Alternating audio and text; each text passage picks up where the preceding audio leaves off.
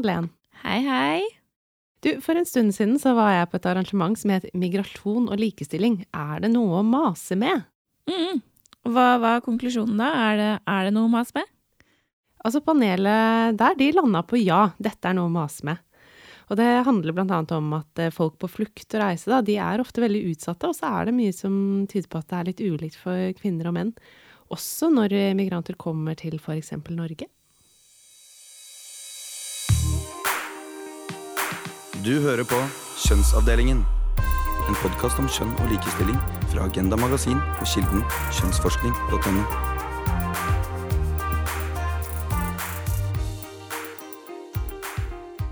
Velkommen til Kjønnsavdelingen. I dag så skal vi snakke om migrasjon. Eh, jeg får besøk av Sofia Josef Abdihase, som er ridder av St. Olavs orden, faktisk, eh, men som kom til Norge på humanitært grunnlag i 1992.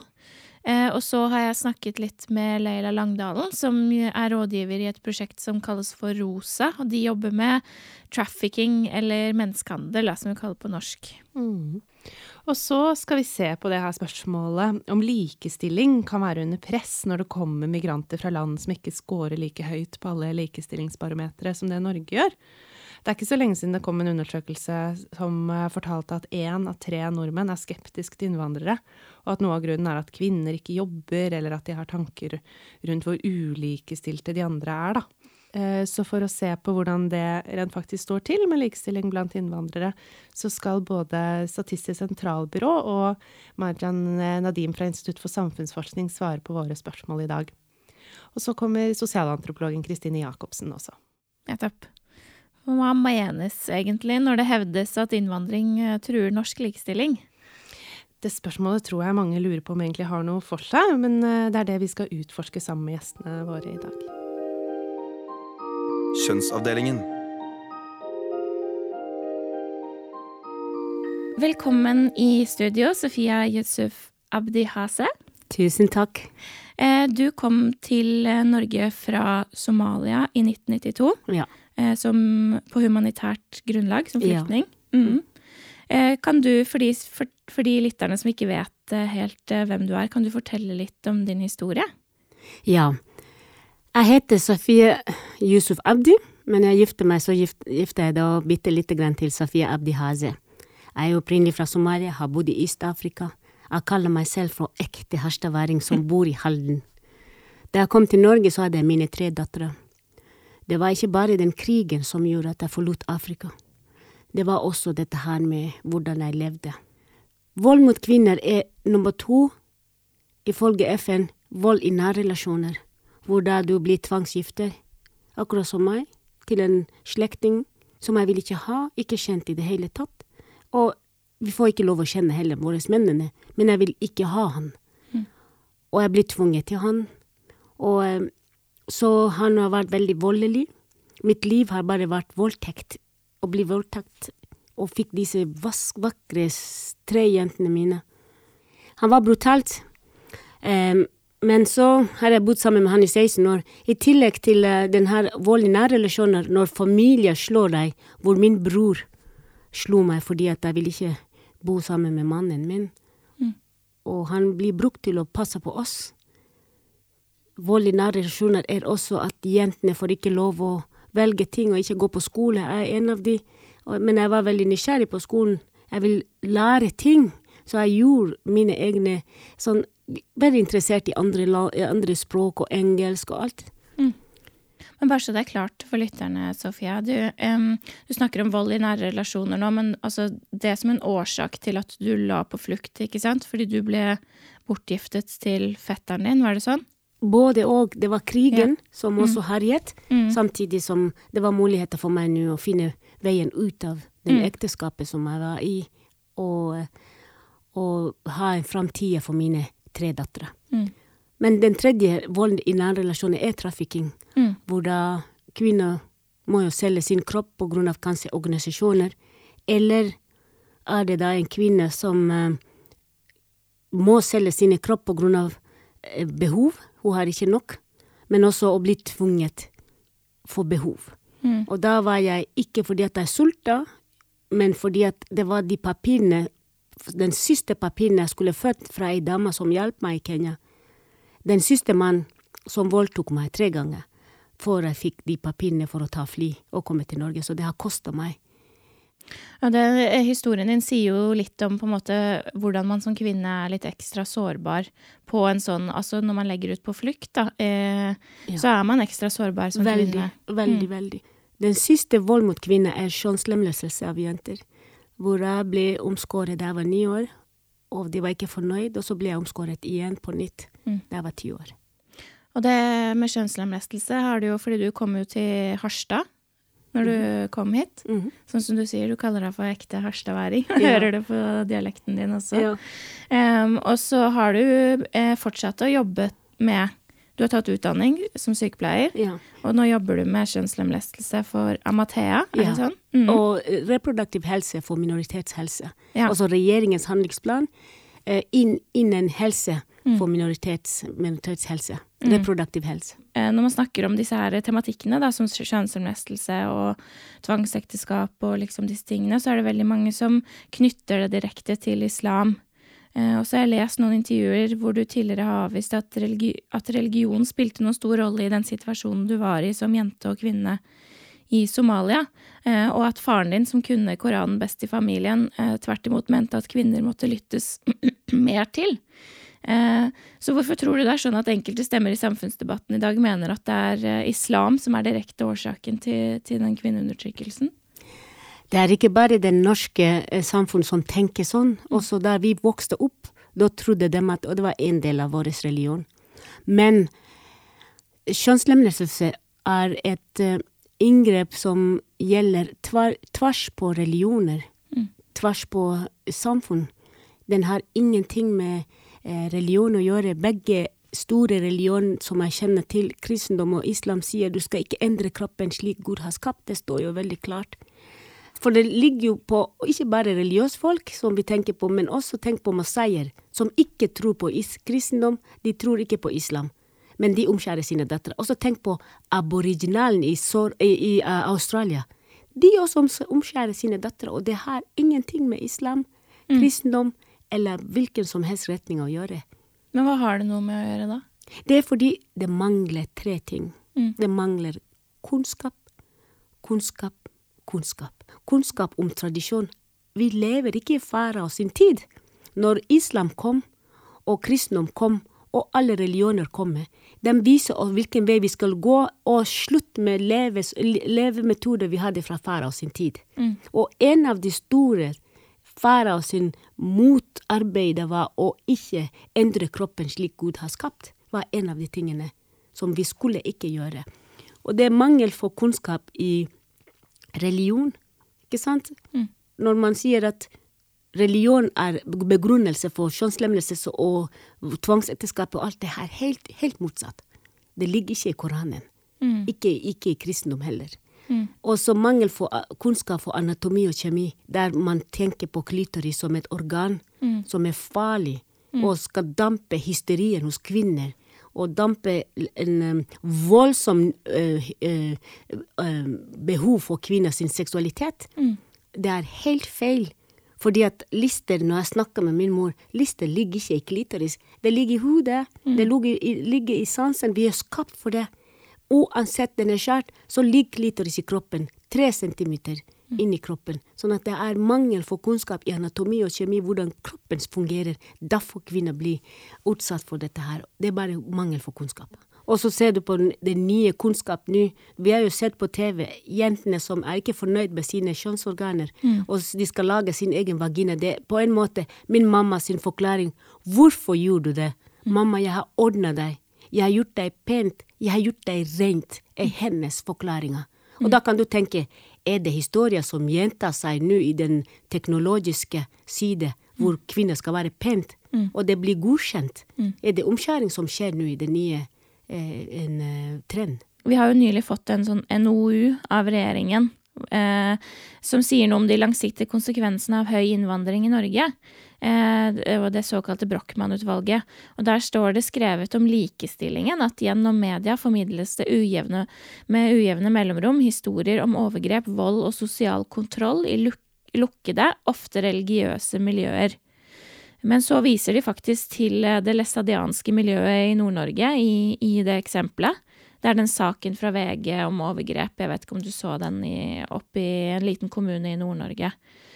Um, Uh, og det var litt utypisk, så tenkte jeg egentlig, fordi at media liker jo å se på ulikestilling som noe som ikke først og fremst tilhører nordmenn, men som tilhører de andre. Mm. Uh, og som feminist så får man jo ofte høre at, at, kvinner har det jo mye verre i Afrika, så hvorfor skal vi jobbe med likestilling her hjemme? Uh, hva tenker du om man skal si til det? jeg er kjempeglad for at Norge har jo fått disse feministene som har hatt et tungtiden og har kommet så langt i sitt liv og krever henne, deres rettigheter som kvinner, og har kommet så langt enda, så ser jeg ikke at likestilling er ferdig. Mm. Det er enda litt til som kvinner i uh, Norge uh, gjerne vil ha. Mm. Og det er likestilling i lønn og likestilling i alt. Jeg er veldig, og, jeg er veldig glad for at Norge har vist oss den veien, sånn at vi som kommer fra andre land, har også muligheter til å bestemme sjøl og at uh, kvinnerettigheter kommer så høyt opp når kvinner har bekjempet for sitt rettigheter i et land som er demokratisk og kan gi muligheter. Mm. Men jeg er også veldig uh, obs på min far som sier det til meg, at Safia ikke var den apekatten som flirer på den røde rumpa av, av, naboen fordi han ser ikke sin egne. Og det har noe med at vi lever i deres gamle dager. Mm. Sånn at, hvis, at feminister har jo tatt uh, og endret uh, livet til Norge, og Norge har endret sitt liv. De må ikke glemme hva de var før. Mm. Jeg tenker på litt det du sier om kunnskap, om at kunnskap er løsningen på, på mye av disse problemene. Eller alle problemene, egentlig. Du er jo også et eksempel på, på um, såkalt, hvis man kan si det sånn, vellykket integrering. Eh, fordi du jobber jo med det her feltet her, og har arbeidet eh, For arbeidet ditt mot kjønnslemlestelse så har du mottatt eh, St. Olavs orden. Eh, og selv så sier du at du er et resultat av Harstad kommune. Eh, leksehjelp på Frivillighetssentralen, Røde Kors, naboen i gata. Hvordan tror du at du hadde levd hvis du ikke hadde eh, på en måte mottatt den støtten fra Harstad kommune, da? Det å komme på flyktningmottak i et ABCD-blokker, og vi bodde på E som afrikanere. ABCD vil ikke ha noe med oss å gjøre. Mm. Og barna mine blir mobba akkurat da. Mm. da. Da var det Tanken min var å, da var jeg ingenting. Mm. Da betydde jeg ingenting. Og, og um, det å komme til et land når du forventer å bli tatt imot, ble et krav for å, bekjempe for din tilværestedene. Mm. Hvis det var ikke Harstad, så kunne jeg aldri ha vært der. Og den mamma som tok imot meg i Harstad. Mm. Jeg fortalte henne med en gang jeg vil gå og fortelle om mine barn på skolen. Og det var de nøklene jeg fikk fra den veiledning fra henne. Å bli sett og bli hørt. Jeg tenker liksom at, For du er jo en enorm ressurs for det norske samfunnet nå.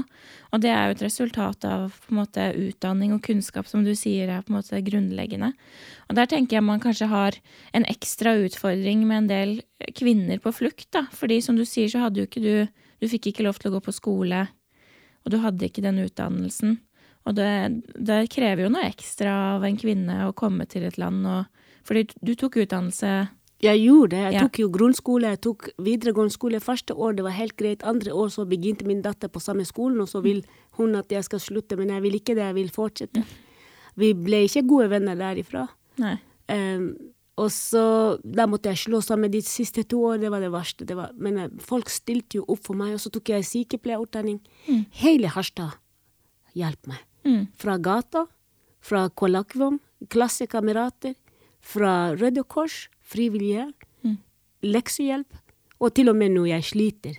Jeg er ikke veldig god i å lese og skrive, men jeg sliter med papir. Jeg kan ikke så veldig mye papirarbeid. Mm. Og så tok jeg mastergrad her i Halden, mm. i Oslo, mens jeg jobber for Stiftelsen Mathea. Så har jeg tatt noen små kurser. Når det er intense ting, så klarer jeg det. Men å sette og ta fag og forstå fag, det er veldig vanskelig. Når man Jeg tror at kanskje jeg sliter også med med andre ting å forstå ting. Jeg tar litt mer tid å studere. Noen tok jo den mastergrad på ett år, jeg tok jo på tre år. Mm. Men jeg klarte det. Du snakker om integrering. Hvis du setter dere på våre sko, så kan du kjenne den. Det å ta en ryggsekk og gå på skole med mine barn, det var en skam. Det var sånn å se meg selv som en lite barn. Når jeg er voksen, 34-35 år. Det å datte på veien når barna går sammen med deg, så klarer ikke jeg å gå på sneen. Men at vi kvinner skulle ta ryggsekken og gå på skole, gleden og skammen, begge to, lo veldig høyt. Mm. Men eh, eh, kanskje du kan si noe om, fordi nå jobber du for eh, Amathea, som du sier. Hva er det du gjør for Ja. dem? Ja. I Stiftelse Amathea så viderefører jeg regjeringens handlingsplan. Stiftelse Amathea er et, et eh, stiftelse som ivaretar eh, kvinners behov for å ta sin egen valg i en uplanlagt gravid situasjon. Enten unge jenter eller voksen kvinner som har blitt, har blitt uh, i et vanskelig valg. Hvor da det er hennes valg vi skal veilede henne til. Om så hun skal ha abort eller skal hun fullføre svangerskap. Hun får gratis veiledning for og etter hennes valg. Og vi er landsdekkende. Vi er 14 kontorer i lands, lands, uh, fylkesrepresentert. Vi er mer enn 24 som jobber der. Inni det her så har jeg minoritetshelse som jeg leder. Som da er regjeringens handlingsplan mot eh, vold mot kvinner, tvangsekteskapet og kjønnslemlestelse og en, um, en uh, begrenset frihet for unge. Men jeg har en holistisk approach, altså helheten, og se ikke bare på kvinners Nei, ikke omskjære din datter eller mannens. Nei, ikke omskjær din datter, ikke tvangsgifte din datter, ikke gjør sånn. Nei, jeg ser helheten. Hvor da jeg tenker på å gi omsorg, gir oss også muligheter til å gi kunnskap. Hvor da kvinner som er sårbare, kvinner som har blitt utsatt for vold, skal jo kunne gis muligheter til å ta tilbake sin egen valg, ta tilbake sitt eget kropp, eie sitt egen kropp. Ehm, det jeg lurte litt på, eh, Sofia, fordi det er jo noen som vil påstå at, eh, at eh, på innvandringen til Norge er en trussel for liksom, norsk likestilling. Hva, hva vil du eh, svart til det? Jeg vil si det til deg er at jeg er ikke en innvandrer, jeg er ferdigvandret. Mm. Og når man sier til et menneske du, ikke vær den apekatten som flirer på den rumpa der, for du også har en rød rumpe. Nordmenn har også vandret. Mm. Og det å se på hverandre som en eh, byrder, er ikke det riktige ved å se. Norge har vært under Danmark. Norge har vært under Sverige. Norge er i verden, verden er i Norge. Og jeg, verden er ingenting uten Norge, og Norge er ingenting uten verden. Verden er én. Og innvandring skal ikke være noe påkjenning for Norge, fordi at det er ikke noe farlig med å ta imot, eller å bli tatt imot nordmenn, også bli tatt imot i andre land. Og nå er det ikke lenger å se hverandre som eh, innvandrere, eller vi må se hverandre som medvandrere, hvor vi skal vandre den kloden sammen, på godt og vondt. Hver eneste sekund. Det skjer noe i kloden. Når det gjelder kultur, Mm. kultur er i endring. Den endrer seg hver eneste gang. Mm. Den kultur som Norge hadde hatt fra før av, har endret seg. Det er ikke, ikke rart at feministen kom og endret hele kulturen, Norges kultur, og den endrer jo hver dag. Mm. Fra jeg kom til Norge, så datteren mine hadde jo da åpen mage. Nå er det ikke åpen lenger, og de, når de bøyer det, så så jeg tangatruska, det er borte. Nå, nå ser du. Det Hva er kultur? Ja. Mm. Jeg leter etter den norske kulturen, jeg finner den ikke. Jeg leter etter den somaliske kulturen, jeg finner den ikke, fordi at somalisk kultur har også endret seg. Og en kvinne skal, er en skam. Du bærer en skamkropp. Om du blir voldtatt, så er det ditt feil. Mm. Du var på feil plass. Det er ikke at noen har voldtatt deg. Du blir gravid. Du, du er en skam hele tida og blir tatt vare på. Mamma sier hele tida hun har noe som kan skamme hennes. Mm. Og det med skam er jo noe man, som henger igjen i det norske samfunnet også. Så du nevnte det her med voldtekt, på en måte, men det det er jo ofte man ser at, at norske jenter også får skylda for å bli voldtatt selv, da. på. Ja. At det er deres egen feil. Ja, og det er det jeg har vokst opp med det. også. Da er det sånn at når du da skal gjøre noe, så gjør du på navnet av familien, navnet av slektninger, navnet av, av klaner. Vi tilhører klaner. Navnet av din familie blir jo sett hele tida. Det er ikke bare du alene. Hvis jeg blir gravid, det er ikke meg. Det er hele klanen som får skam. Mm. Den jente fra den klanen her har jo skammet hele familien. Sånn at vi hele tida er den som bærer kultur. Kvinner bærer kultur, men nøkkel til kulturen ligger hos kvinner sin lomme. Det er de som avgjør. Men jeg har lyst til å spørre deg om et uh, spørsmål til sist. Fordi du har jo blitt utnevnt til ridder av første klasse, St. Olavs orden. Jeg syns det var en stor ære, for å, være, for, å, for å, si det sånn. Det var det første um, innvandrerkvinne som har fått det. Mm det fikk jeg vite, det var det første jeg syntes jeg ble rørt. Det var vel fortjent, da. Takk skal du ha. Men uh, i forbindelse med at du tok imot den prisen, så har du sagt at, um, at du tok imot utnevnelsen, med en følelse av plikt. Hva mente du med det? For det første så tok jeg fordi at jeg var en somalisk kvinne. Mm. Somalisk navn har jo datt veldig mye ned på grunn av alle de her uh, på, en påkjenning for integrering og you name it. Mm. Vi er den som blir kalt for en velferdsqueener og alt, men jeg tok den for å vise det er motsatt. Og det er plikt for meg å jobbe for et liv for en kvinne uten vold mot kvinnekropp. Mm. Og uten hvilken som helst vold mot kvinnekropp. Det er en plikt nå som har blitt lagt på meg. Jeg føler at nå har jeg muligheter til å fortsette min, min, min fight, min kamp for et liv uten vold mot kvinnekropp. Det er en stor kamp. Det er det. Tusen takk for at du kom i studio, Sofia. Tusen takk for at jeg fikk lov til det. Og lykke til med kampen videre. Takk skal du ha. Kjønnsavdelingen. Ja, der har du en kvinne som har vært gjennom det meste. Ja, eh, Safia har jo erfaringer som er eh, ganske hårreisende for eh, folk flest, vil jeg si. Men en av de tingene hun peker på, er jo denne ekstra sårbarheten som man har eh, som kvinne på flukt. Altså risikoen for trafficking eller menneskehandel er jo en av de tingene man står overfor. Eh, og nå skal vi få høre fra en som kan fortelle litt mer om, eh, om akkurat det. Kjønnsavdelingen.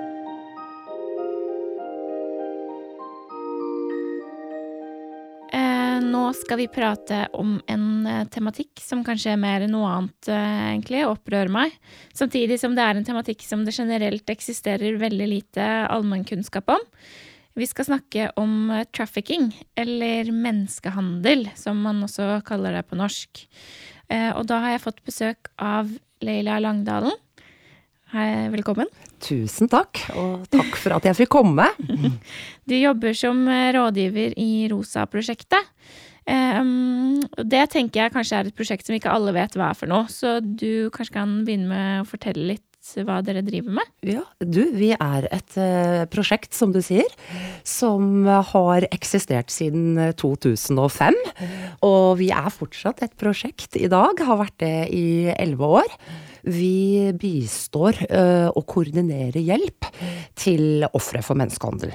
Da henholdsvis uh, kvinner utnyttet i prostitusjon, som er den majoriteten som vi hjelper. Mm. Og vi er uh, underlagt Krisesentersekretariatet, som er en paraplyorganisasjon for mange av landets krisesentre. Og vi bruker derfor eh, krisesentrene til å tilby trygg bolig eh, og, og sikkerhet og oppfølging. Uh, ja. Og hva står uh, rosa? Altså det er ikke fargen rosa det står for, det er fire bokstaver? Ja, det, ja. det, det er jeg glad for at du spør om. Uh, vi står jo for rehabilitering, oppholdssteder, sikkerhet og assistanse. Og jeg kan jo kanskje si litt om bare sånn bakgrunnen for Rosa-prosjektet. Mm. Det var jo at man sånn på tidlig 2000-tallet så opplevde vi på krisesentrene at det kom en gruppe inn som vi ikke visste noe om. Mm. De kom fra Bulgaria, eh, de første, som i hvert fall jeg møtte da jeg jobbet på krisesenteret selv. Mm. Og de hadde en slags sånn bestilling. De ville hjem til sitt hjemland. Og når vi kartla litt hva som hadde skjedd med de, så fant vi ut at det var ikke vold i en nær relasjon, men de var blitt utsatt og fått blitt opplevd å få fysisk juling bank, ikke sant, heller bli utsatt for fysisk vold av en bakperson. Og, og på det tidspunktet så skjønte vi ikke helt hva det var. Og vi visste jo heller ikke hvordan vi skulle hjelpe disse kvinnene som vi så komme til krisesentrene. Mm. Og på bakgrunn av det så så, så Krisesentersekretariatet et behov for at, eh, for at den gruppa måtte få noe hjelp og bistand. Og, og, det hang jo også sammen med, i parallelt, den, det som vi kaller for Palermo-protokollen. Uh, som er en tilleggsprotokoll om menneskehandel i mm. FNs konvensjon mot grenseoverskridende organisert. Kriminalitet. Men hvis man da, hvis det altså viser seg at man står uh, overfor et offer for menneskehandel, hvor skal man uh, henvende seg egentlig? Da henvender man seg gjerne til oss i Rosa. Som mm. sagt, vi har en 24 timers åpen telefonlinje for å få råd og veiledning. det er mange som gjør det, fordi at vi kan i hvert fall høre på, på observasjonen. Eh, fortelle litt om hva vi tenker. Og så vil vi jo også anbefale mange ganger at man kontakter politiet. Mm. Fordi når du, når du, blir identifisert som menneskehandelsoffer, så har du noen rettigheter som, som skiller seg fra f.eks. de rettighetene som en asylsøker har. Eh, kan du si noe om om det? Ja, for det er jo sånn at når man da blir identifisert som et offer for menneskehandel, så eh, utløser man en del rettigheter i forhold til det. Og det er det vi kaller for en såkalt eh, refleksjonsperiode. Og den refleksjonsperioden har en varighet på seks måneder. Eh, den skal brukes til å vurdere om man ønsker å inngi en politianmeldelse.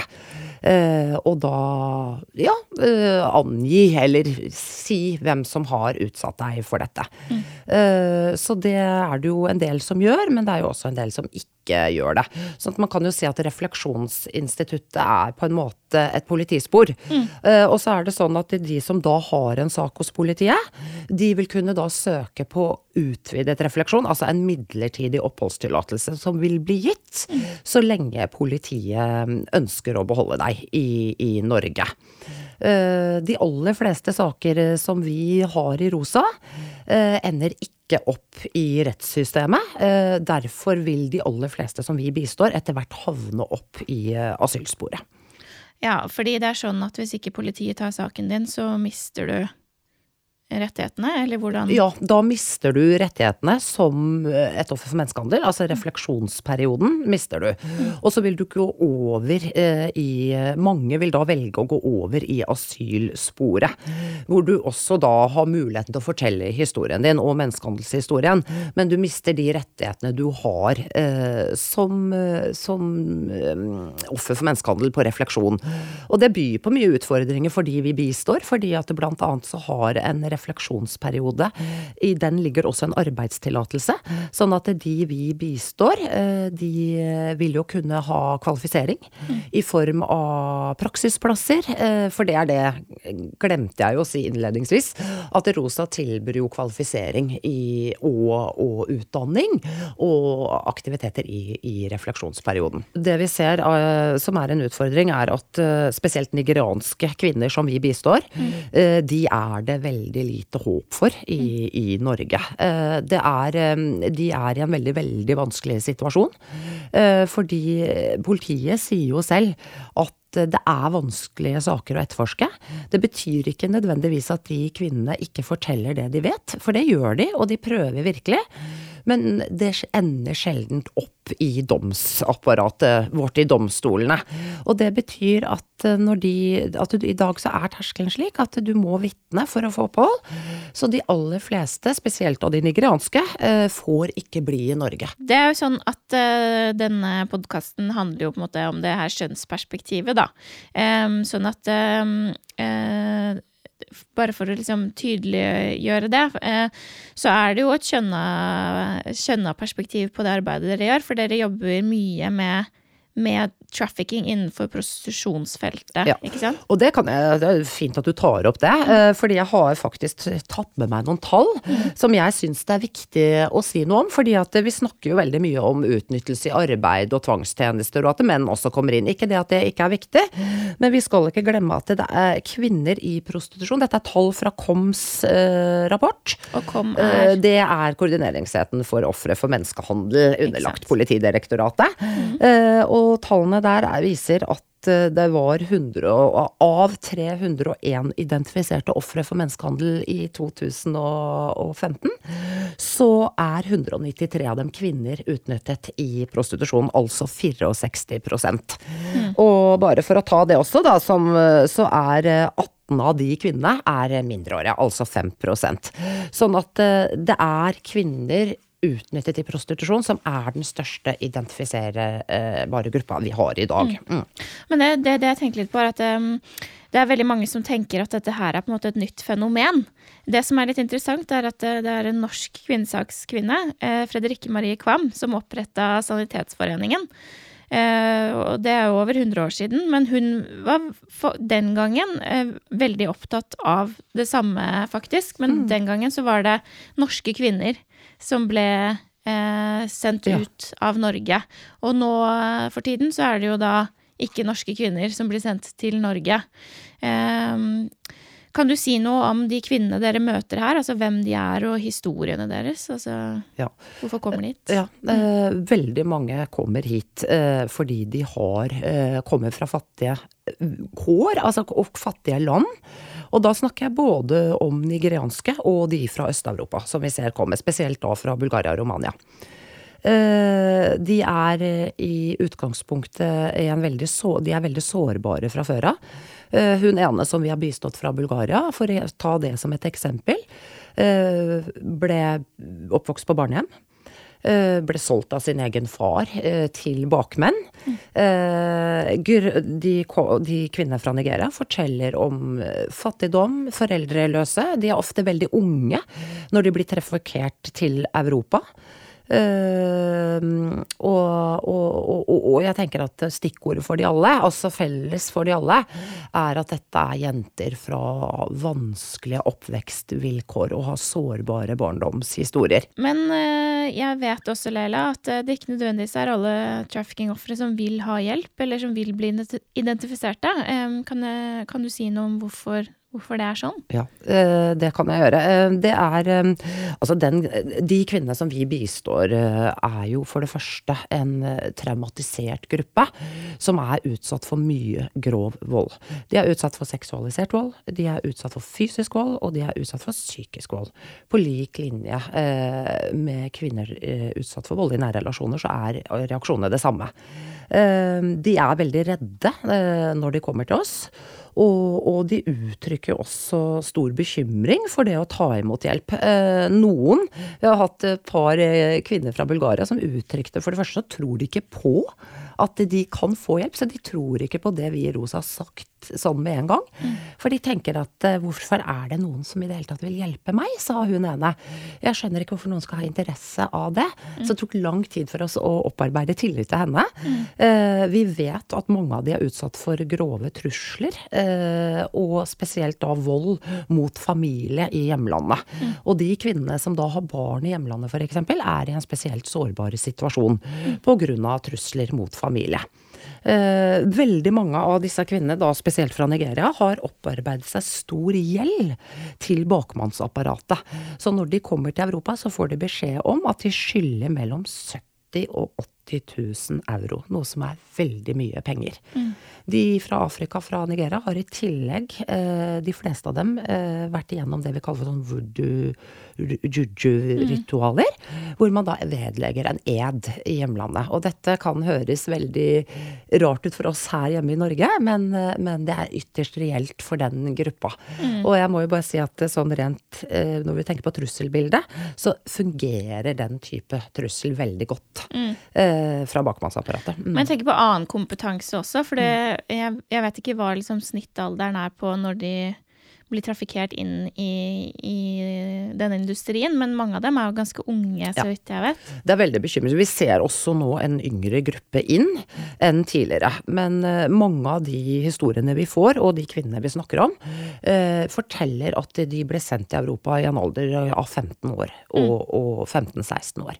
Og så er de da ofte i f.eks. Italia eller Spania noen år, før de kanskje kommer da til Norge f.eks., og vi, vi kommer i kontakt med de da. Og så er det sånn at det, det, akkurat denne episoden her skal jo handle om migrasjon. Eh, og med økt innvandring til Norge, så tenker jeg også at dette kanskje er et felt som blir påvirka av det. Er det noe dere merker? Eller økt innvandring generelt i verden, egentlig? Eh, Ja da, og vi, og vi, vi ser jo at det, vi har mange henvendelser eh, fra ulike hold. Men det vi ser, er jo at eh, gruppa som kommer inn til oss nå, er, eh, er yngre. Og det er vi bekymra for. Og vi ser at de er, de er unge, de er traumatiserte. Og de krever en veldig tett oppfølging og tilnærming. Eh, også hjelp til, til traumebildet. Og vi tror jo det at for at de skal kunne stå og løpe ut, for at de skal kunne anmelde sakene sine til politiet, så er vi veldig behov for trygge boliger eh, utenfor krisesentrene, men driftet av krisesentrene. Som, eh, for de bor jo lenge, eh, sånn at vi trenger veldig Vi trenger nye boliger til den gruppa. Det her er jo en tematikk som man egentlig burde hatt to timer til å diskutere. Absolutt. Det er jo veldig komplisert tematikk også, egentlig. Um, men jeg tenkte jeg skulle avslutningsvis bare spørre deg litt om det her eh, med eh, forskjellen mellom eh, prostitusjon og trafficking. Fordi det er jo enkelte som er veldig opptatt av å trekke liksom en klar skillelinje mellom de to feltene. Og jeg lurte bare på, i din erfaring, hvor tydelig er det skillelinje i Norge? Ja, nei, det er jo en diskusjon vi til stadig vekk har her i, her i Norge. Eh, Jeg kan jo snakke ut fra vår erfaring, eh, Rosa-prosjektet sin erfaring, er at det flertallet av de som prostituerer seg, de er fra andre land enn Norge. Eh, og vår erfaring er at de, de er organiserte. Eh, vi sier ikke at alle som er i prostitusjon er utsatt for menneskehandel. Men vi ser at både på innemarkedet og på utemarkedet er det sjelden vi møter noen som ikke er det. Det er vår erfaring. Eh, vi tror også at lovreguleringen har stor betydning. Eh, Rosa-prosjektet, vi var jo bl.a. på studietur til Spania, til Madrid i fjor. Og det hjelpeapparatet der nede forteller oss, er jo at pga. på grunn av at det ikke er noe sexkjøplov, eller at det, er lov å drive bordell, det er lov å kjøpe og selge sex, så er det veldig vanskelig å få, å få brukt hallikparagrafen. Altså, de kommer ikke inn, eh, og derfor får man heller ikke identifisert eh, det som da kan være menneskehandel. helt, helt til slutt. Hva trenger vi i dag for å følge opp disse ofrene for menneskehandel og trafficking bedre i Norge? Hva er det viktigste? Noen punkter? ja, tydelig handlingsplan eh, med konkrete tiltak, og at det kommer noen eh, punkter i innholdet i refleksjonsperioden som må følges opp. At man på en måte mm, Man må stille noen krav til innhold i refleksjonsperioden. Det tror vi er det viktigste for å kunne hjelpe de unge jentene vi ser kommer inn, og som er utnyttet av et bakmannsapparat. Når de er på refleksjon i Norge. Takk for at du kom til oss i dag, Leila. Tusen takk for at jeg fikk komme.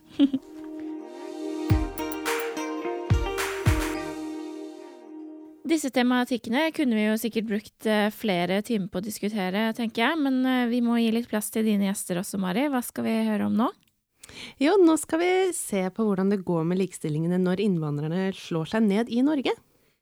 Ja, eh, for det er sånn jeg snakket eh, litt med Safi om, så er det jo noen som mener at eh, kanskje spesielt muslimer er mer ulikestilte enn hos andre. Mm. Og helt til slutt i dagens podkast så skal vi snakke med sosialantropologen Kristine Jacobsen, som skal fortelle oss hva vi egentlig holder på med når vi snakker om innvandrere og muslimer som en trussel mot vår vestlige likestilling. Kjønnsavdelingen. Et av spørsmålene mange stiller når det er snakk om eh, migrasjon, er hvordan det går når innvandrere kommer til Norge og slår seg ned. Hvor likestilte er innvandrerbefolkningen i Norge? Det her er et spørsmål med mange veier til svaret, og nå har vi fått to som kan bringe oss litt nærmere en forståelse av det temaet i studio. Eh, Marjan Nadim er forsker ved Institutt for samfunnsforskning, og Silje Vatne Pettersen er koordinator for innvandrerrelatert statistikk ved Statistisk sentralbyrå. Velkommen til dere. Tusen takk. Vi starter med Silje og tallene. Og eh, for å liksom bryte de ned litt, så skal vi se på hvem som kommer til Norge, og hvor likestilte disse gruppene ser ut etter noen år. Hvilke faktorer er det vi må se på da, Silje? I Statistisk sentralbyrå så bruker vi registerstatistikk og eh, intervjuundersøkelser for å måle likestillingen mellom kvinner og menn, f.eks. arbeids- og utdanningsdeltakelse, men også lønnsforskjeller og mye annet. Så det er eh, flere veier til svaret der også. Um, og um, altså hvis man liker å se på grafer og søyler og sånn, så kan man gå inn på eh, Statistisk sentralbyrå sine nettsider. Der fortelles omtrent norsk innvandringshistorie ved hjelp av disse spennende figurene. Men hvis vi skal få det fra deg nå, Silje, um, hvilke land er det flest innvandrere fra i Norge, og hvorfor kom de hit? De fleste innvandrerne i Norge kommer fra Europa. Vi har lenge hatt innvandrere fra Norden, eh, særlig fra Sverige, men etter EU-utvidelsen østover i 2004 så er det kommet mange arbeidsinnvandrere. Og det er jo særlig fra Polen og Litauen, og også fra Tyskland. Og det er jo dette som har drevet innvandringen til Norge de siste ti årene. Eh, på 70-tallet så kom det også arbeidsinnvandrere til Norge, og da var det særlig fra Pakistan og Tyrkia. En del av dem ble boende i Norge, og en del fikk også familien hit i etterkant. Og samtidig med dette så er det jo i perioder kommet eh, flyktninger pga. på grunn av flyktningkriser forskjellige steder i verden, sånn som på Balkan på 90-tallet, Afghanistan, Irak og Somalia på 2000-tallet, og nå også Syria. Mm. Så eh, hvem er de største innvandrergruppene i Norge? Det er arbeidsinnvandringslandene, hvis vi skal kalle det det, som dominerer. I Norge i dag så bor det nesten 100 000 innvandrere fra Polen. Eh, 37 000 fra Litauen, og også omtrent 37 000 fra Sverige. Og eh, Somalia er da det fjerde største innvandringslandet i Norge, og også det største flyktninglandet. Og fra Somalia så er det kommet 28 000 innvandrere til Norge. Mm. Vi er jo interessert i, i, i, kjønnsdimensjonen i dette. Og er det ulike grunner til at kvinner og menn kommer til Norge? Ja, og det er noen generelle mønstre som ikke bare gjelder Norge, men også mange andre land. Eh, det er gjerne at det er menn som eh, forlater opprinnelseslandet sitt først, enten av flukt eller av søken etter arbeid. Og så kommer gjerne kvinner og barn etter etter, altså etter at mannen har etablert seg da eksempel i Norge. Men mange av de mennene som kommer til Norge, er unge, og de er single, de har ikke rukket å etablere noen familie i sitt opprinnelsesland. Eh, så dette betyr at det er eh, for enkeltland i Norge store eh, skjevheter i kjønnsfordelingen i starten. Da gjerne en overvekt av menn. Og så over tid så jevner det seg litt ut ved at kvinnene kommer gjennom familiegjenforening i etterkant. Men dette er altså et generelt mønster som vi ser for mange land, ikke bare for Norge. Mm, ikke sant. Um, som du sier at mange grupper er dominert av menn, særlig i starten. Hvis vi ser hvordan det ser ut nå, hvilke grupper er det som er mest dominert av menn uh, her? Ja, i Norge så er det en overvekt av menn, særlig blant nyere flyktningeland som jeg nevnte i stad, at det er gjerne menn som kommer først. Og det gjelder f.eks. Afghanistan og Eritrea, og også Syria og Sudan. Men også blant arbeidsinnvandrere fra Polen. Mm. Og så er det noen uh, grupper som er veldig dominert av kvinner. Hvem er det, og, og hvorfor? Ja, det er ikke så veldig mange, men det er noen som peker seg ut, og det er særlig kvinner fra Filippinene og fra Thailand. Eh, fra eh, disse landene så er det omtrent 80 eh, som er kvinner av de som bor i Norge. Fra Filippinene så er det kommet ganske mange au pairer til Norge. Men det er også kommet mange kvinner som har giftet seg med menn uten innvandrerbakgrunn i Norge, og det gjelder jo også kvinner fra Thailand. Mm. Mm. Uh, ja, og som du sier at det er et typisk mønster at menn kommer først, og så kommer kanskje kvinnene etterpå. Um, har det noen konsekvenser for likestilling, hvis vi ser på statistikken? Ja, I mange tilfeller så er det jo menn eh, som allerede er eh, etablert i Norge når, eh, når, resten av familien følger etter. Og det kan gi noe utslag på sysselsettingsstatistikken. Altså at eh, menn har noe høyere sysselsettingsrate enn kvinner fra samme land. Eh, men det kan jo også være andre grunner til at eh, kvinner ofte har lavere sysselsetting, sånn som omsorgsoppgaver f.eks., som ofte tilordnes kvinnene. Men generelt så ser vi at kvinner har lavere sysselsetting enn menn i nesten alle landgrupper, og at det tar lengre tid for kvinner å komme ut i arbeid enn for menn. Um, men hvis vi skal se nærmere på de innvandrerne som bor i Norge, da, hvor likestilte er de i dag? Kvinner har noe lavere sysselsetting enn menn generelt i hele befolkningen, og det gjelder også for innvandrere. Og så er det veldig store variasjoner i sysselsettingen mellom land, eh, altså hvilke land innvandrere kommer fra, og eh, mellom kjønnene for de enkelte landene. Og minst forskjeller mellom menn og kvinner, og også høyest sysselsettingsrater generelt, finner vi blant arbeidsinnvandrere fra Europa, sånn som Sverige og Polen og Litauen. Men størst forskjell finner vi eh, blant eh, to grupper. Det er innvandrere fra en del flyktningeland, sånn som eh, Somalia, Irak og Afghanistan, hvor kvinner ofte kommer etter mannen, som jeg nevnte i stad. Og da kanskje ikke har rukket å, å, komme ut i arbeid, i tillegg til en del omsorgsoppgaver. Men det gjelder også en annen gruppe, nemlig de som kom på 70-tallet, gjerne. Altså arbeidsinnvandrere fra Pakistan og Tyrkia. Her er det bare 30% av kvinnene som er sysselsatt i dag, mens det er over 60% av mennene fra disse landene som er sysselsatt. Og dette er innvandrere som kom til Norge lenge før introduksjonsordningen for nyankomne innvandrere startet opp, og hvor det ikke var samme tilbud om språkopplæring for eksempel, som det er i dag, og heller ikke den samme forventningen om at kvinner skulle ut i arbeid. Men eh, hvis vi ser eh, på utdanning, da, som kan si noe om fremtidig arbeidsdeltakelse, hvordan eh, ser det ut der? Barn, av, altså barn som er født i Norge mm. av innvandrere, har en høyere utdanningsdeltakelse enn både innvandrere og befolkningen sett under ett. Mm. Mm. Ja, så det er det tallene mm, kan si oss. Eh, takk skal du ha, Silje. Og nå er jo eh, barn av innvandrere en ganske sånn ung gruppe i Norge, og det, det er litt begrenset eh, hva vi kan finne i statistikken om arbeidsdeltakelse der. Men etter at da de er ferdig med høyere utdannelse, så er det jo ut på arbeidsmarkedet. Og det er tema for din forskning, Marjan. Nå har vi hørt om hvordan det er med pakistanske innvandrere til Norge, at det er en ganske lav andel kvinner som deltar i arbeidslivet. Men hvordan ser det ut eh, blant eh, etterkommerne?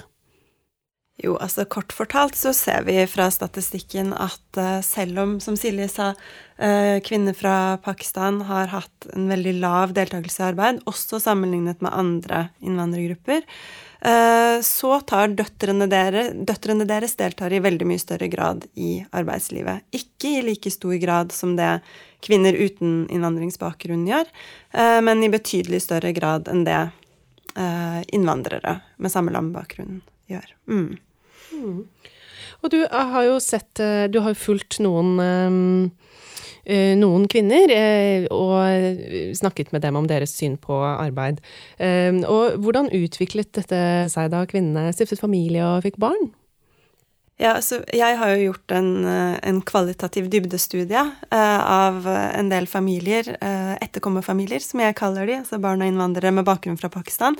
Eh, og det er jo en dybdestudie, sånn at det er jo begrenset hvor mange som er med i den. Men jeg kan jo først bare si noe om de store mønstrene, så det, de tallene man faktisk da finner i statistikken, eller de kvantitative studiene som jeg har sett, tyder faktisk på at disse etterkommerkvinnene ikke ikke reduserer sin deltakelse i arbeid i veldig mye større grad enn det majoritetskvinner gjør når de får barn den samme tendensen syns jeg at jeg fant da også blant de familiene som deltok i min studie.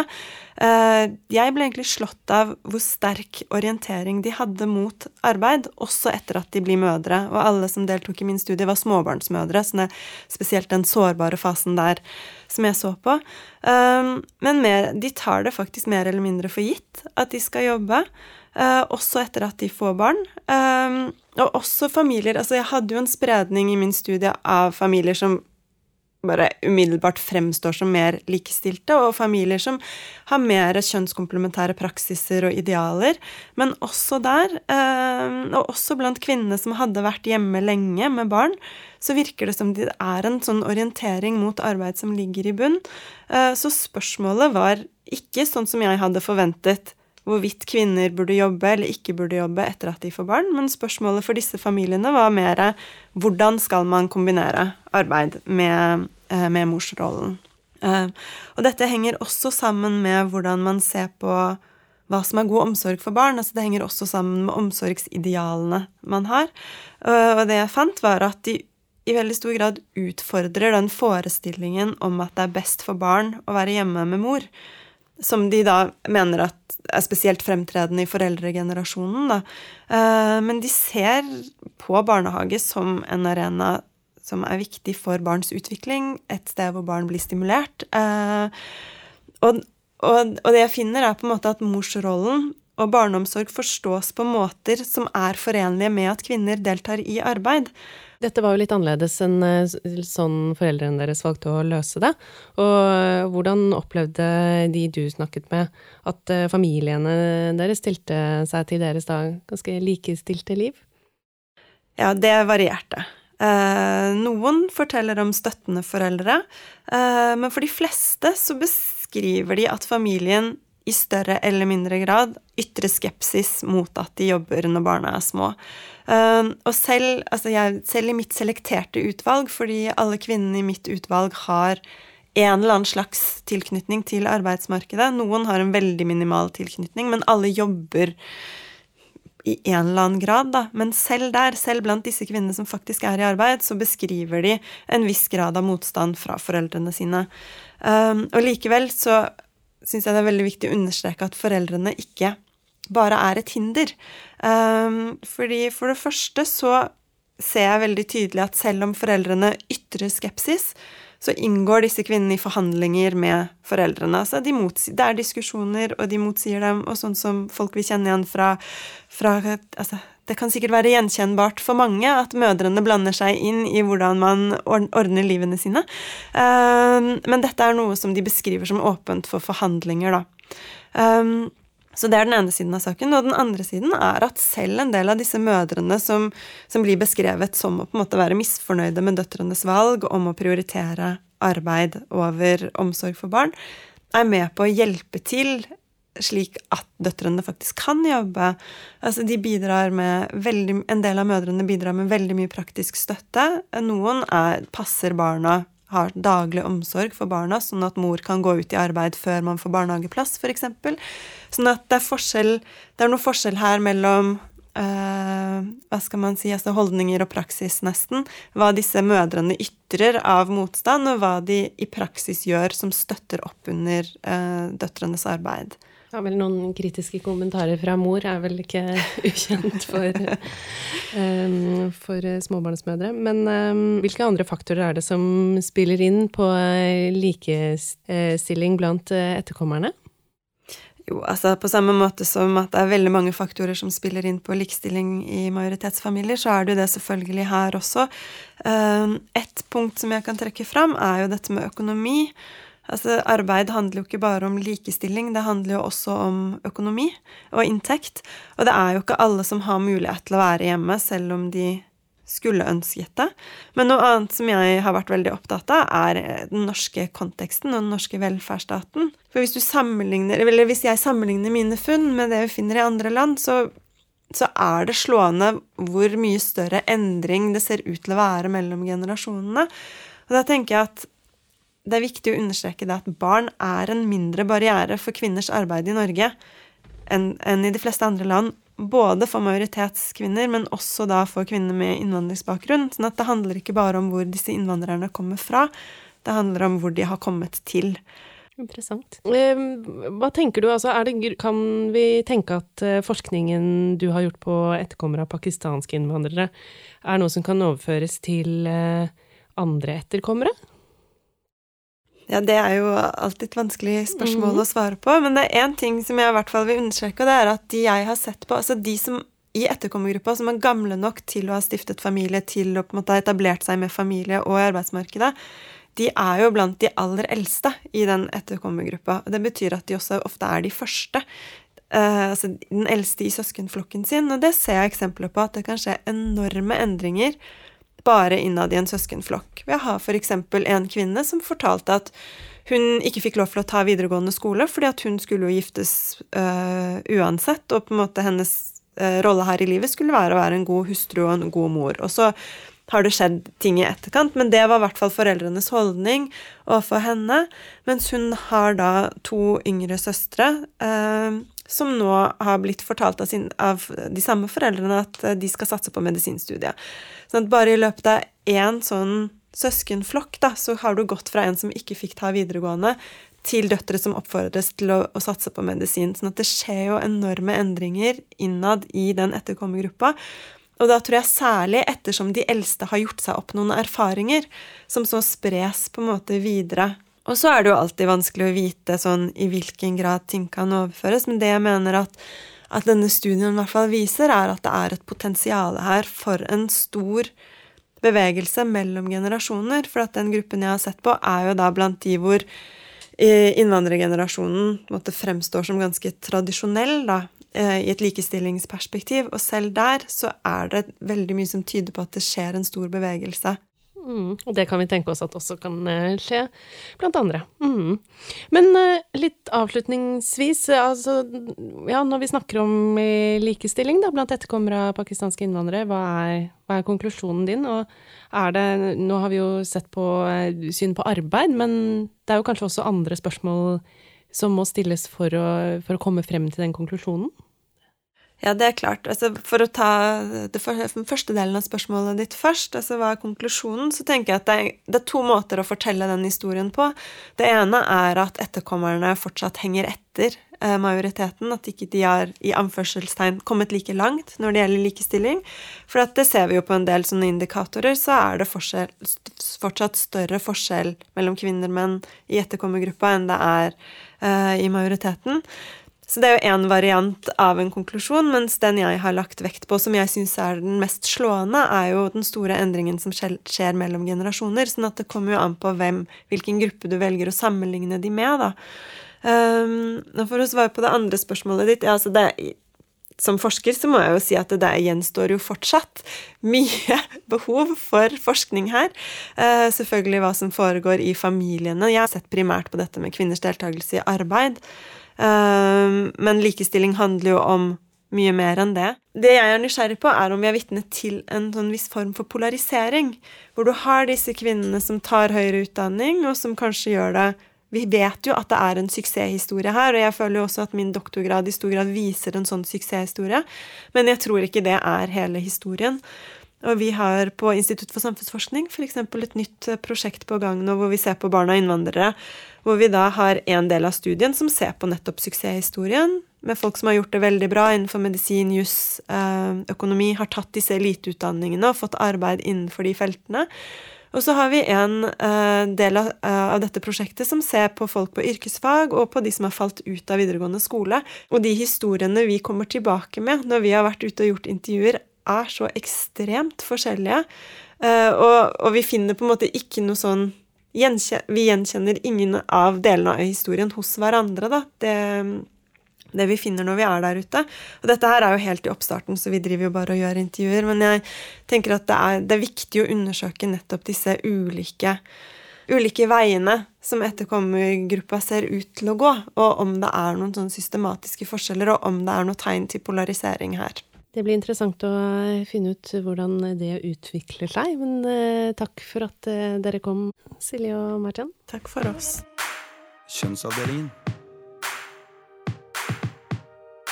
Ja, da skal vi ta en litt annen tilnærming til spørsmålet om migrasjon og likestilling. Eh, Kristine eh, Jacobsen er sosialantropolog og leder for SKOK, Senter for kvinne- og kjønnsforskning ved Universitetet i Bergen. Velkommen hit, Kristine. Takk.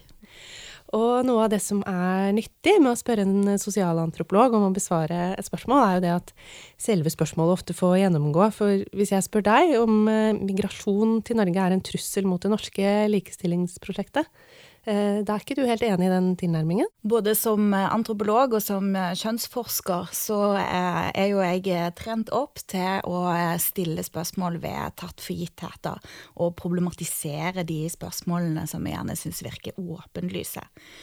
Og det som syns tatt for gitt i, i, ditt spørsmål, er jo for det første at det fins et norsk likestillingsprosjekt, eller noe vi kan kalle det norske likestillingsprosjektet. Uh, og uh, dette er et utgangspunkt som det selvfølgelig er behov for å problematisere. Hvis vi ser på uh, litteraturen som omhandler norsk likestillingshistorie, så vil vi raskt se at det er ganske ulike forståelser av likestilling. både historisk sett og mellom ulike grupper i samfunnet. om hvorvidt likestilling handler om likhet eller om forskjell mellom kvinner og menn. Um, hva slags samfunnsområder det skal gjelde på. Uh, om vi snakker om sjanselikhet eller uh, resultatlikhet. Uh, om målet er å oppnå kjønnsbalanse mellom menn og kvinner.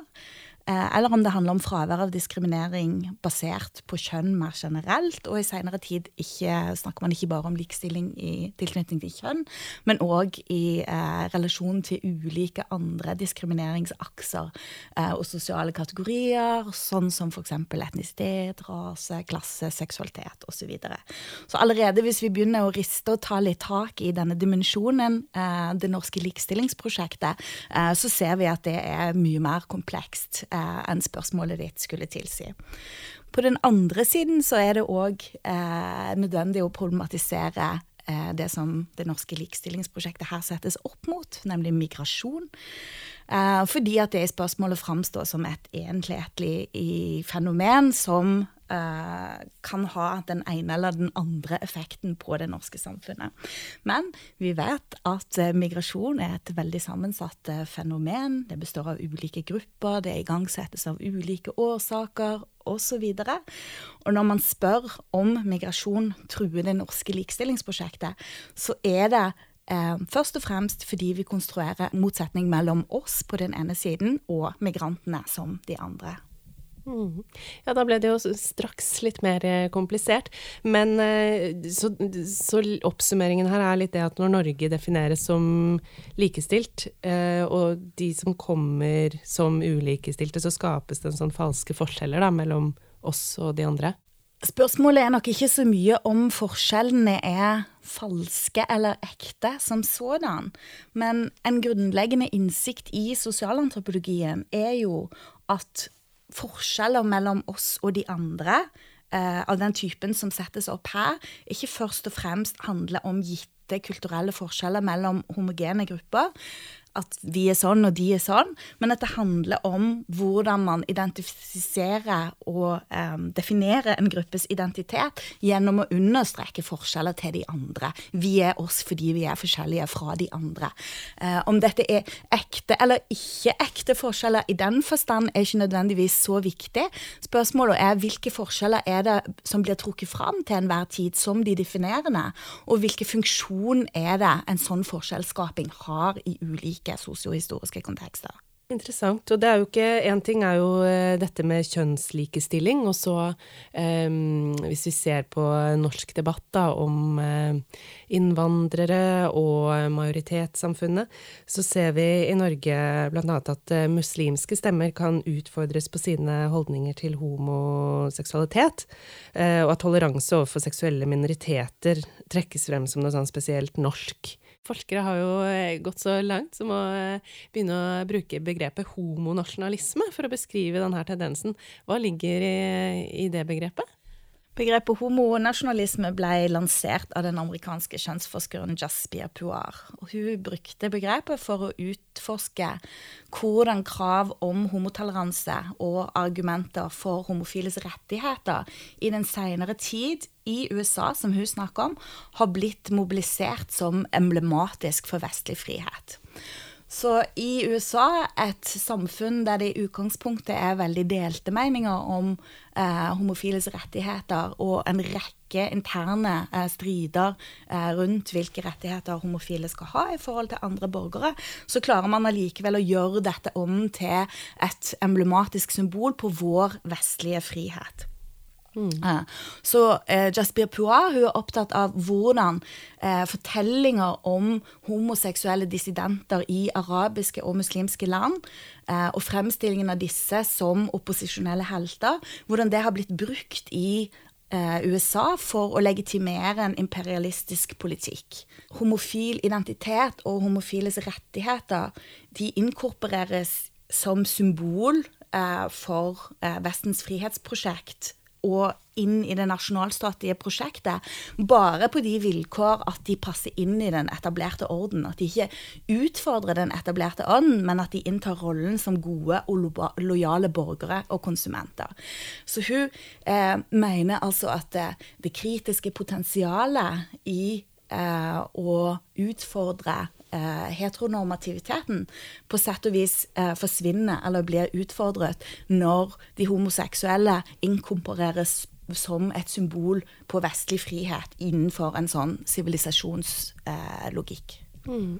og, og, eh, disse teoriene kommer jo da fra USA, men eh, hvor eller hvordan kommer en sånn type homonasjonalisme til uttrykk i Norge?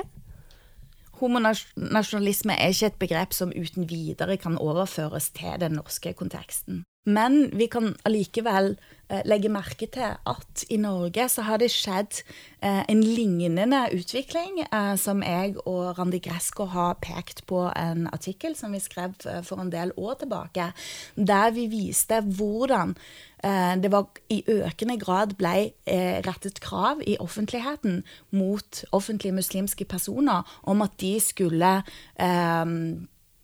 uttrykke eh, offentlig eh, homotoleranse, og, og, at de skulle eh, gi til kjenne sin oppslutning om eh, liberale verdier eh, knyttet til homoseksualitet. Eh, og dette fikk òg um, en betydning inn i den offentlige debatten, f.eks.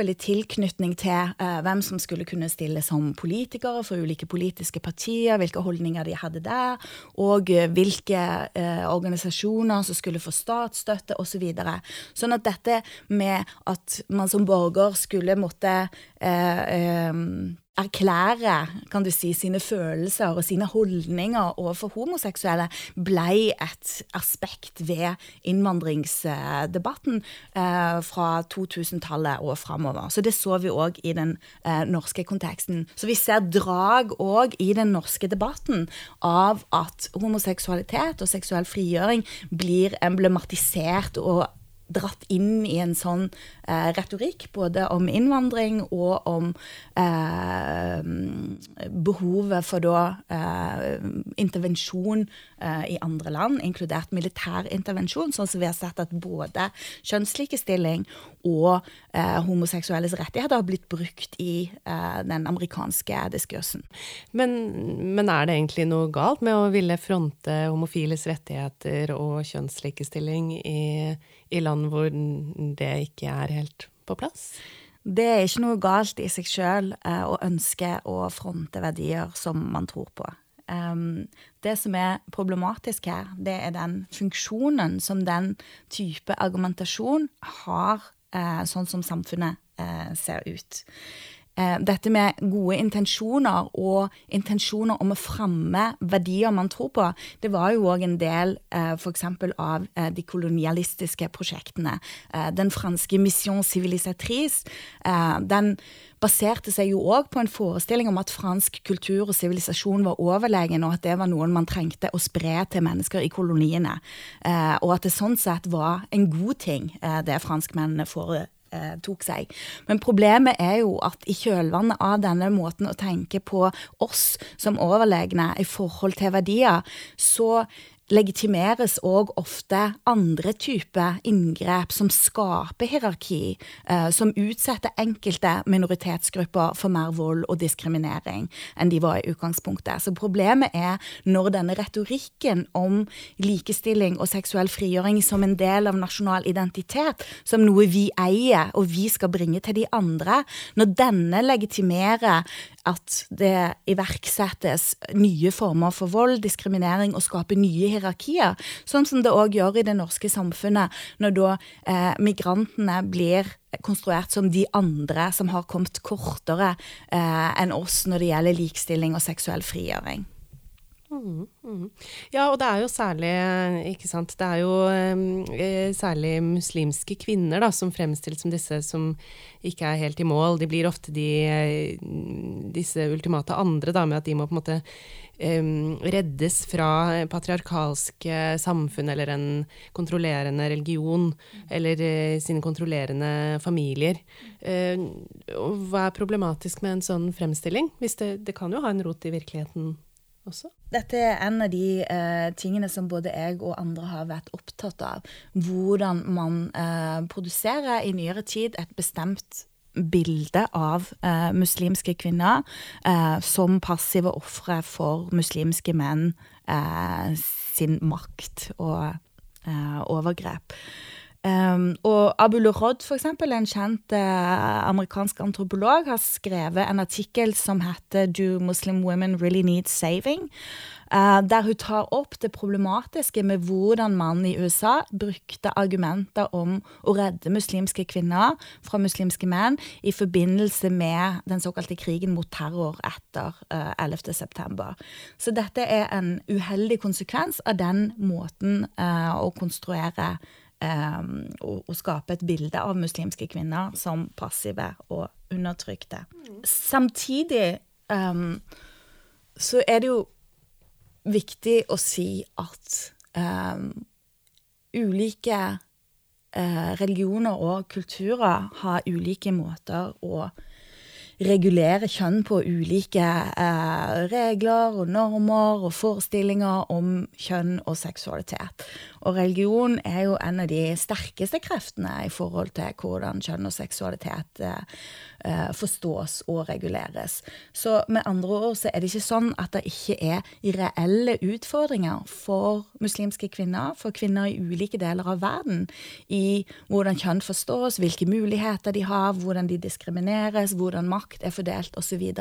Men jeg tror at vi er bedre i stand til å adressere disse utfordringene og ta dem på alvor hvis vi unngår å låse spørsmålet inn i en type nasjonalistisk og sivilisasjonsretorikk. Og da kan vi jo gjerne òg lytte og høre på ulike grupper av muslimske kvinner, og hvordan de selv snakker om eh, sine frigjøringsprosjekter, eh, sin kamp for Eh, kanskje det er likestilling, kanskje det er likeverd, kanskje det er eh, mot rasialisering, eh, mot eh, ulike former for imperialisme, kapitalisme osv. Det å høre etter på folk sine, sin kritikk av ulike maktrelasjoner som pregende liv, livene deres, det er utrolig viktig.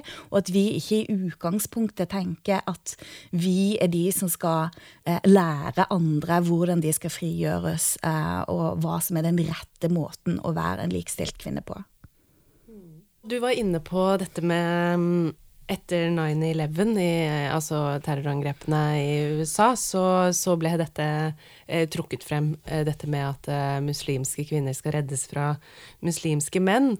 Eh, og dette begynner jo å bli en stund siden, men hvordan har eh, denne tankegangen eller denne måten å snakke om det på utviklet seg siden da eh, i Vesten, sånn som du ser det?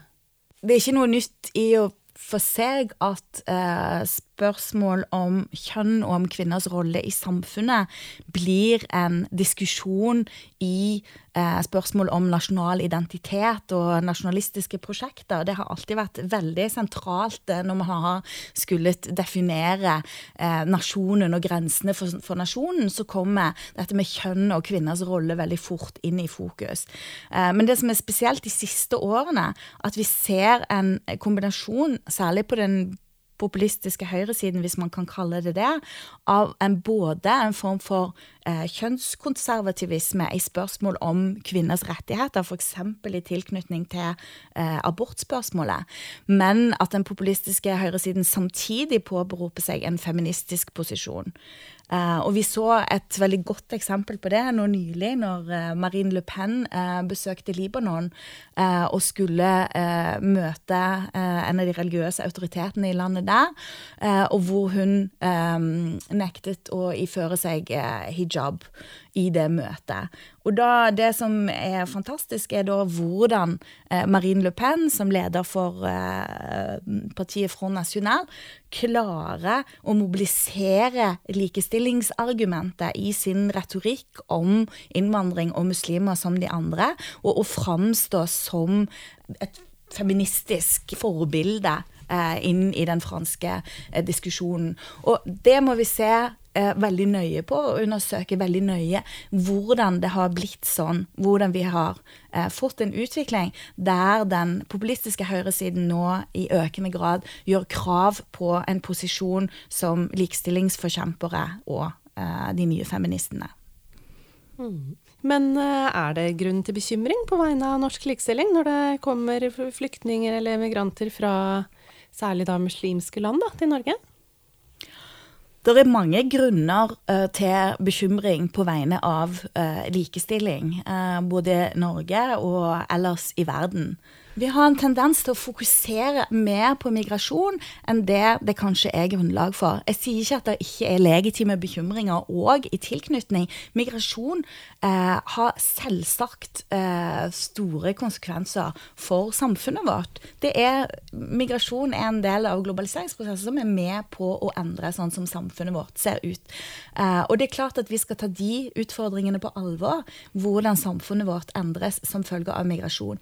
Men da må vi våge å åpne opp disse problemstillingene og brette de ut og gjøre de litt mer komplekse og kompliserte, og unngå å falle inn i en sånn form for forenklende eh, nasjonalistisk og sivilisatorisk retorikk.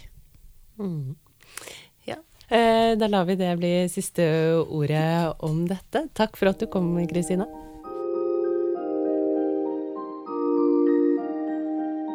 Du hører på Kjønnsavdelingen. Føler jeg nesten at vi har vært igjennom eh, hele verden på en times tid, ja, Mari. Men eh, det har vært mye interessant og ikke minst viktig tematikk. Ja. ja jeg føler vi har lært at eh, det er noen sider ved migrasjon som har store likestillingsutfordringer ved seg, men at det ikke er en helt sånn godt begrunna bekymring, det å frykte at norsk likestilling trues av migrasjon. Og det var jo veldig godt å høre fra en som vet uh, hva hun snakker om, da, uh, syns jeg i hvert fall. Uh, og jeg syns Safias måte å, å, si noe om det på også var ganske bra, ved å bruke bildet av røde rumper. At vi må huske på at våre egne rumper også er røde. hvis du vil lese mer om likestilling og migrasjonsspørsmål, så kan du finne mer om det på agendamagasin.no og kjønnsforskning.no.